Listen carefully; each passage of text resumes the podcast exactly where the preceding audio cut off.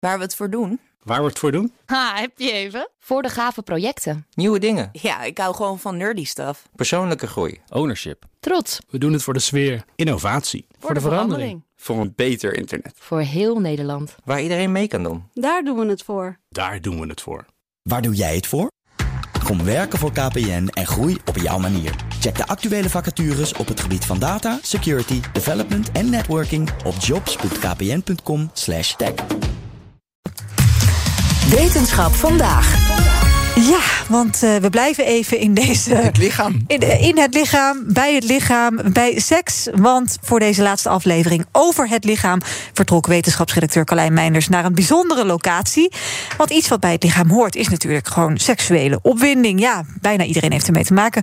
Hoe doe je daar onderzoek naar? Dat zocht Carlijn uit. Nou, ik ben uh, Marike de Witte. Ik uh, ben uh, onderzoeker hier aan de Universiteit van Maastricht. Ik ben klinisch psycholoog en ook seksuologe. En vandaar ook mijn interesse in het onderzoek naar, naar seksualiteit. Ja, we zijn in een sekslab. Ja, klopt. Daar zijn er niet zoveel van. Nee, eigenlijk... Uh, wel, er zijn hier en daar wel wat sekslabs. Maar dit is echt wel het, het eerste lab waar we ook effectief koppels gaan onderzoeken. Waarbij mensen echt met elkaar seksuele handelingen hebben. En dan gaan we echt ook gaan, gaan kijken wat er gebeurt eigenlijk op vlak van seksuele opwinding. Ja, als je gaat kijken naar seksuele opwinding, wat zijn dan de dingen die je meet? Wel, het is belangrijk om te weten dat seksuele opwinding uit twee componenten bestaat. We hebben enerzijds ons lichaam, hoe ons lichaam reageert. Dat gaat dan om stijve tepels, ademhaling die versnelt, maar natuurlijk ook lubricatie, vochtig worden van de vagina bij vrouwen en dan een erectie bij mannen. Ja. En dat is eigenlijk ons lichaam die ons klaarstoomt eigenlijk voor, voor seks. Maar natuurlijk is er ook die mentale component, het gevoel van opwinding.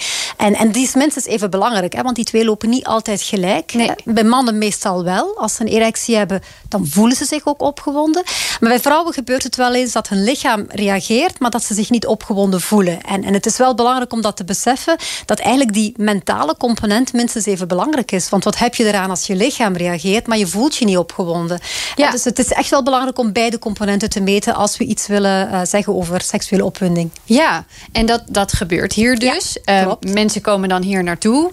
Dat, dat zijn dan stellen, hè? koppels. Ja deze ruimte, daar staan vooral uh, computers. Ja, dit is een uh, weinig sexy ruimte. Ja, hier dat, gebeurt het. Uh, hier gebeurt vooral het... het uh, ja, wij kijken hier wat er gebeurt op de schermen. We zien de grafieken. Een heel technische kwestie. Alles is hier aangekoppeld en ja, want bijvoorbeeld die vochtigheid, wat je zei, die kun je gewoon meten. Natuurlijk. Ja, die meten we. Daar hebben we instrumentjes voor. Ja. dus een, een, vaginale plethysmograaf die vrouwen dan inbrengen. Dus een ja. soort tampon die ze eigenlijk vaginaal kunnen inbrengen. Ja. En dan hebben we een soort rekkertje voor mannen die we dus rond de penis kunnen plaatsen, waarmee we dan de erectie kunnen meten. Ja. Uiteraard doen wij dat niet zelf. Hè. Ik bedoel, als Zij brengen dat zelf aan. Ja, wij leggen alles uit. We gaan precies uitleggen hoe ze het moeten doen. Maar zij doen het, want het is natuurlijk een kwestie van privacy. Het moment dat ze dan de kleren uitdoen en, en met elkaar aan de slag gaan, gaat uiteraard die deur dicht. Ja, er wordt niet geroepen, ietsje meer naar links. Nee, uh, helemaal niet. Nee, nee. Want het moet ook een beetje, ja, er moet voldoende privacy zijn, zodat Ja. koppels echt ook op een comfortabele manier seksualiteit kunnen beleven. Ja, laten we even Ja, het hoekje graag. omkijken. Het is niet zo'n hele grote Nee, ruimte. het is eigenlijk gewoon een soort living. Een, een huiskamer. En dat hebben we echt geprobeerd om een beetje een huiskamergevoel te creëren. Leuk kleurtje op de muren, gezellig lichtje, een beetje planten. Ja, exact. Het is echt een, een, een, ja, een kleine huiskamer, gezellig. Ja, en toch kan ik me voorstellen, want je haalt mensen uit hun natuurlijke omgeving. Wat je meet, is dat dan, komt dat genoeg overeen met hoe het zou zijn als het thuis Ja, gebeurt? wel, dat, dat weet je natuurlijk nooit. Hè. Je moet rekening houden. Er is natuurlijk nog altijd die labcontext. Maar Ja. we zijn echt al een paar stappen verder dan hoe het vroeger gebeurde. Hè. Als we echt kijken naar hoe onderzoeken naar seksuele opwinding. Ja. Aanvankelijk is dat dan in een soort klinische labruimte, zoals we ze allemaal kennen. Gewoon in een witte ruimte op Witte ruimte, veel draden, inderdaad een Ja, min of ja, ja. meer oncomfortabele stoel meestal. En dan ga je voor een televisiescherm zitten en dan krijg je een pornofilm te zien. En dan meten we opwinding. Maar ik had al heel snel, toen ik naar dat type onderzoek keek, dacht ik van ja, maar eigenlijk zegt dat tot, toch meer over solitaire seks. Dit is soloseks. Je zit alleen naar porno te kijken. En we weten dat seksuele opwinding alleen toch wel iets anders is dan wanneer je seks hebt met je partner. En bijvoorbeeld, als we kijken naar seksuele problemen, dan spelen ze zich meestal af in de context van een relatie, Ja. eerder dan tijdens masturbatie. Dus dat was eigenlijk al dat ik dacht van ja, dat klopt toch helemaal niet. Hè? Als we iets uitspraken willen doen over seksuele opwinding, dan moeten we echt ook partners samen in de ruimte gaan onderzoeken. Ja. En dat hebben we dan ook gedaan. Maar goed, dan was in eerste instantie lieten we dan partners samen naar een pornofilm kijken. Maar ze mochten elkaar niet aanraken. Gewoon lekker naast elkaar op de bank. En dan moesten ze ook allerlei uh, vraagjes beantwoorden en dergelijke. Ja. En dan dachten ja, dat is ook niet echt wat het is. Hè? Want bedoel, ja, je zit dan samen naar porno te kijken. Dan ga je daar ook iets mee doen, over ja, het algemeen. exact. Dus hebben we eigenlijk nu zitten we een stapje verder en dachten, kom, we gaan die, die ruimte min of meer gezellig aankleden. We gaan koppels ook die porno weg. Uh, ze mogen samen met elkaar aan de slag gaan.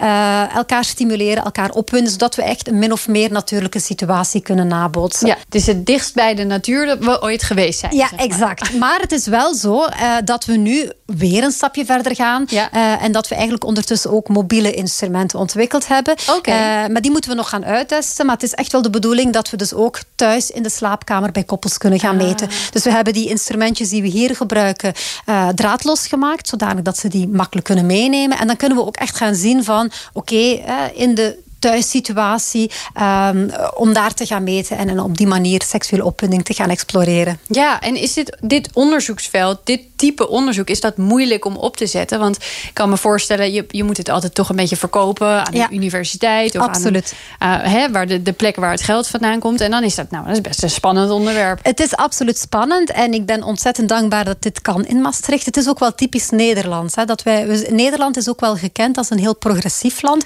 En het is niet ja. voor niks dat Nederland tot de top van de seksonderzoek uh, behoort.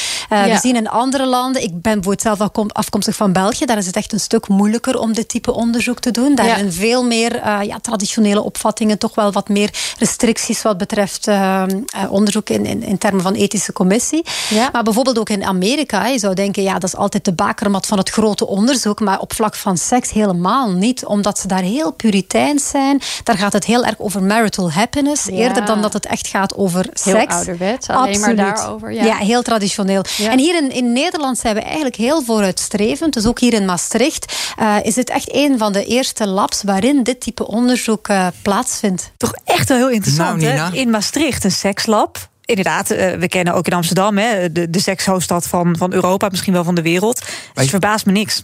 Wij staan aan de top. Ja, dat denk ik Op ook. seksgebied staan we aan de top. Ik ben wel eens in een peeskamertje in een gevangenis geweest. Nou, vertel. Nou ja, wat deed je daar? Inderdaad, wat heb ik daar? Wat deed ik daar? Ik maakte, ik maakte er een item. En het was ook echt, het item ging over seks in de baaiers. Uh, ik mocht niet toekijken uh, toen hoe daar gevangenen uh, bezoek ontvingen. Maar er waren hele strenge regels. Volgens mij gelden die nog steeds. Eén uurtje per maand mag je daar je partner of je liefde of wie je dan ook wil, mag je ontvangen in het peeskamertje. Heel gezellig, met een klein badkamertje. Alle, alleen maar IKEA-spul stond erin. Het was wel tien jaar geleden, dus ik weet niet hoe het nu is. Maar het kan ook zijn voor bijvoorbeeld gewoon een vader die zijn kinderen even wil knuffelen. Ja. Het, is, het wordt ook voor, voor gewoon leuke doeleinden, ja, leuke, dus andere doeleinden gebruikt dan alleen maar uh, het peeskamertje. Was een fascinerend item geworden. Denk ik met veel plezier aan terug. Om 20 over 6 hoor je het tweede deel ook van uh, dit item... wat Carlijn Meijners, onze wetenschapsredacteur, heeft gemaakt... met seksuoloog Marieke de Witte. Ik denk dat het ook weer heel erg de moeite waard is om te luisteren. Wetenschap vandaag wordt mede mogelijk gemaakt door Gimmicks. Gimmicks, your trusted AI partner. Bij BNR ben je altijd als eerste op de hoogte van het laatste nieuws. Luister dagelijks live via internet. Bas van Werven. En heel langzaam komt de zon op rond dit tijdstip. Je krijgt inzicht in de dag die komt op BNR, het Binnenhof in Nederland en de rest van de wereld. De Ochtendspits. Voor de beste start van je werkdag. Blijf scherp en mis niets.